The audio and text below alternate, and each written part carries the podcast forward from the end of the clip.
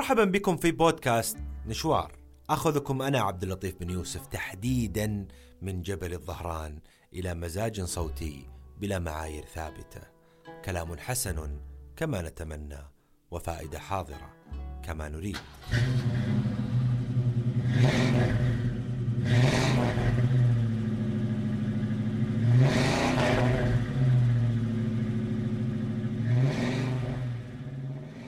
تاريخيا فإن صناعة السيارات شهدت الكثير من الصعود والهبوط لهذه القوة الاقتصادية الكبيرة. قبل عام 1900 كانت السيارة عنصرا جديدا، لم تكن إحدى القوى المهمة في الصناعة آنذاك. لكن حدثت الكثير من التطورات التي ساهمت في ولادة السيارات الحديثة. لا يهمني من هو أول من اخترع السيارة. في الحقيقة سيارة المخترع الأول موجودة الآن في المعهد التقني بفيينا. المهم في عام 1908 أنشأت شركة فورد سيارة تستهدف المستهلك العادي من الطبقة المتوسطة وكانت هذه أول سيارة تصنع بكميات كبيرة وبأسعار معقولة. احتل فورد الشوارع الأمريكية لدرجة أنه بحلول عام 1918 كان نصف المستهلكين الأمريكيين يمتلكون سيارة من طراز تي التابعة لشركة فورد. في عام 1929 انهارت البورصة وبدأ الكساد العظيم. مما أدى إلى تراجع مخيف في مجال صناعة السيارات وبيعها. خلال ثلاثينيات القرن العشرين كانت قد فشلت نصف شركات السيارات وأعلنت إفلاسها. ولكن في عام 1935 برزت القوى العمالية من جديد بسبب تسريح الكثير من العمال وتزايد الضغط على العمال الباقين على رأس العمل مما قاد إلى إنشاء اتحاد لعمال السيارات. UAW وساعدت الحرب العالمية الثانية على خروج الاقتصاد الأمريكي من الكساد الكبير وأعادت إحياء صناعة السيارات.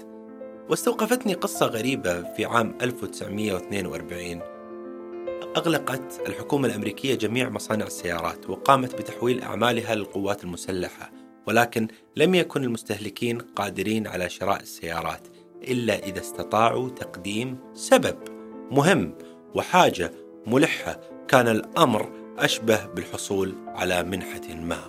تخيل.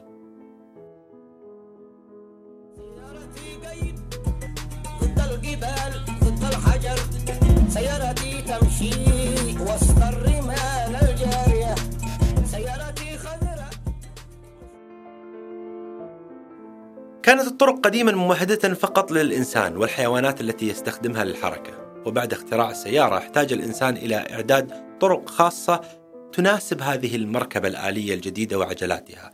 بل أستطيع أن أقول أن وجود السيارة استحدث لنا بنية تحتية للمدن أو أن السيارة هي التي اخترعت المدن الجديدة كي تتناسب معها. تخيل. إحدى المفارقات الغريبة أنه مع اختراع السيارة بدأ الإنسان بالتذمر من وجود الأحصنة بالشارع بسبب تلويثهم للطرقات بالروث. وعندما غابت الأحصنة عن الطرقات بالفعل اعتقد الناس أن مدنهم أصبحت أكثر نظافة. في ذلك الوقت لم ينتبهوا لعوادم السيارات لم ينتبهوا لمادة الرصاص أو إكسير الحياة كما يسميها خالد اليحيى في بودكاسته الفاتن. قبس. مع مرور الوقت أصبحت السيارات هي من أهم وأبرز أسباب تلوث المدن. مما أدى لاحقا إلى اختراع السيارات الصديقة للبيئة. بعيدا عن المدن شبكات الطرق اللانهائية نتج عنها قطع مساحات كبيرة من الغابات مما سبب مشاكل بيئية كبيرة. إن كانت السيارة قد سهلت من حركة الإنسان وتنقله من مكان لآخر فهي في المقابل أوجدت أشياء. نعم أوجدت. لقد خلقت الأمراض أمراض الظهر وأمراض القلب من طريقة جلوس وقيادة السيارة فضلا عن أنها رفعت نسبة الوفيات بالعالم نتيجة لحوادث السيارات إلى أن أصبحت أول سبب للموت في معظم دول العالم يعني أكثر من الحروب والكوارث الكونية. تخيل. وأصبحت نصيحة الأطباء في عصرنا الحديث تتركز على التقليل من الاعتماد على السيارة واستبدالها بالدراجة الهوائية أو المشي. حتى أن بعض الدول اقترحوا فكرة أنسنة المدن بمعنى إعادة بنائها بما يتلائم مع الإنسان بعدما أصبحت المدن تصمم لخدمة السيارة للإنسان. يحسب للسيارة أنها استطاعت أن تقوم بالهجرة العكسية من المدن للضواحي فالضواحي كانت أقل كلفة أنظف هواء وأجمل طبيعة. كان الناس يحرصون على البقاء في المدن من أجل توفر سبل العيش المريح فيها مع اختراع السيارة لم تكن هناك مشكلة كبيرة في البقاء بعيدا عن ضوضاء المدينة والاستفادة من جماليات الضواحي مع البقاء على مقربة منها والاستفادة من منافعها وكل هذا بفضل السيارة التي استطاعت أن تقرب كل هذه المسافات. من المفارقات أيضا أن من يقطنون الضواحي والقرى كانوا أكثر الناس حرصا على اقتناء السيارة بينما أهل المدينة لم يشعروا بأنهم في حاجة ماسة إلى ذلك. أصبحت ربة المنزل تمارس أيضا أدوارا خارجية من خلال قيادتها للسيارة. حتى في السعودية قبل قرار السماح بقيادة السيارة كانت تأخذ الأطفال للمدرسة، تذهب للتسوق، وحتما هذا سهل عليها في فترة لاحقة الذهاب إلى العمل باستقلالية كبيرة ومخاطر أقل. من خلال قيادة المرأة للسيارة بدأ شكل المجتمع بالتغير، فأصبحت المرأة ترى في الشارع أكثر من ذي قبل. السيارة لعبت لعبتها مرة أخرى واستطاعت أن تنتزع للمرأة حقوقها. No woman, no drive. No woman, no drive.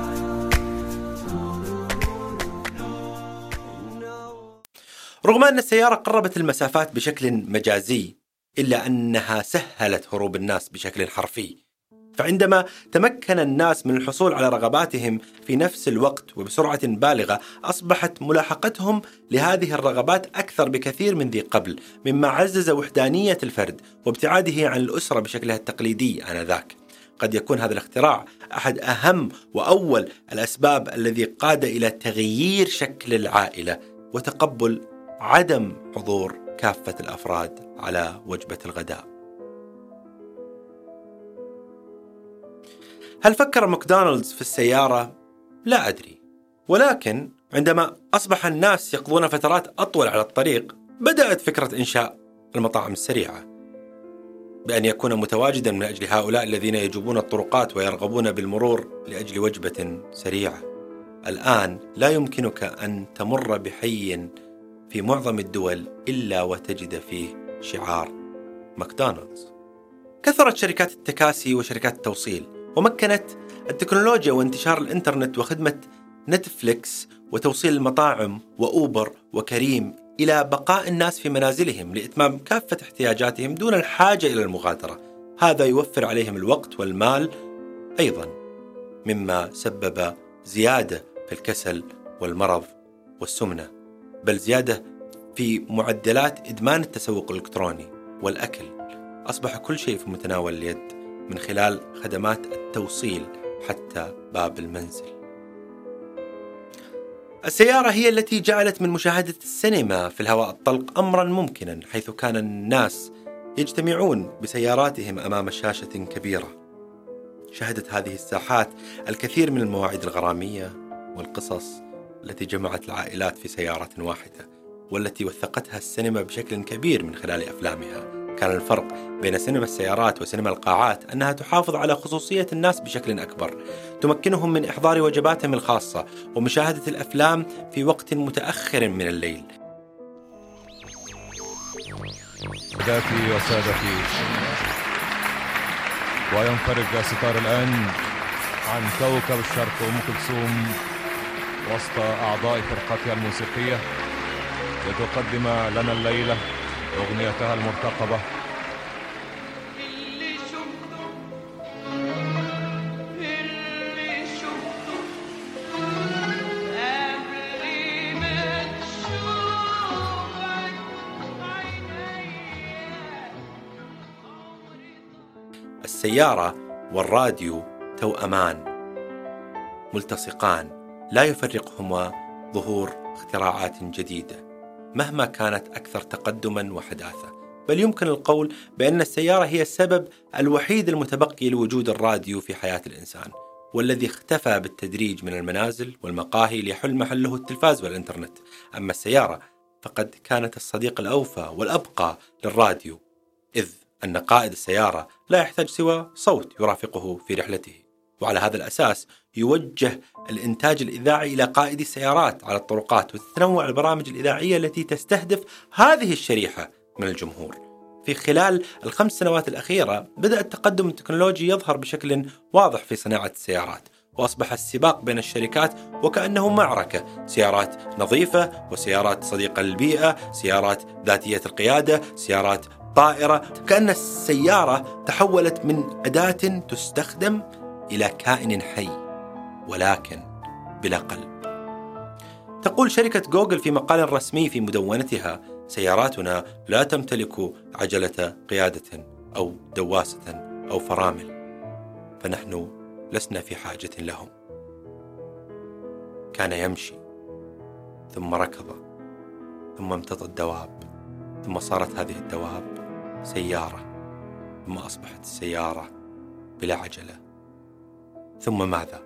هالسيارة مش عم تمشي بدنا حدا يدفش هدفشي يحكوا عن ورشة تصليح وما عرفنا ويني الورشة والسيارة مش عم تمشي بدنا حدا يدفش هدفشي يحكوا عن ورشة تصليح وما عرفنا ويني الورشة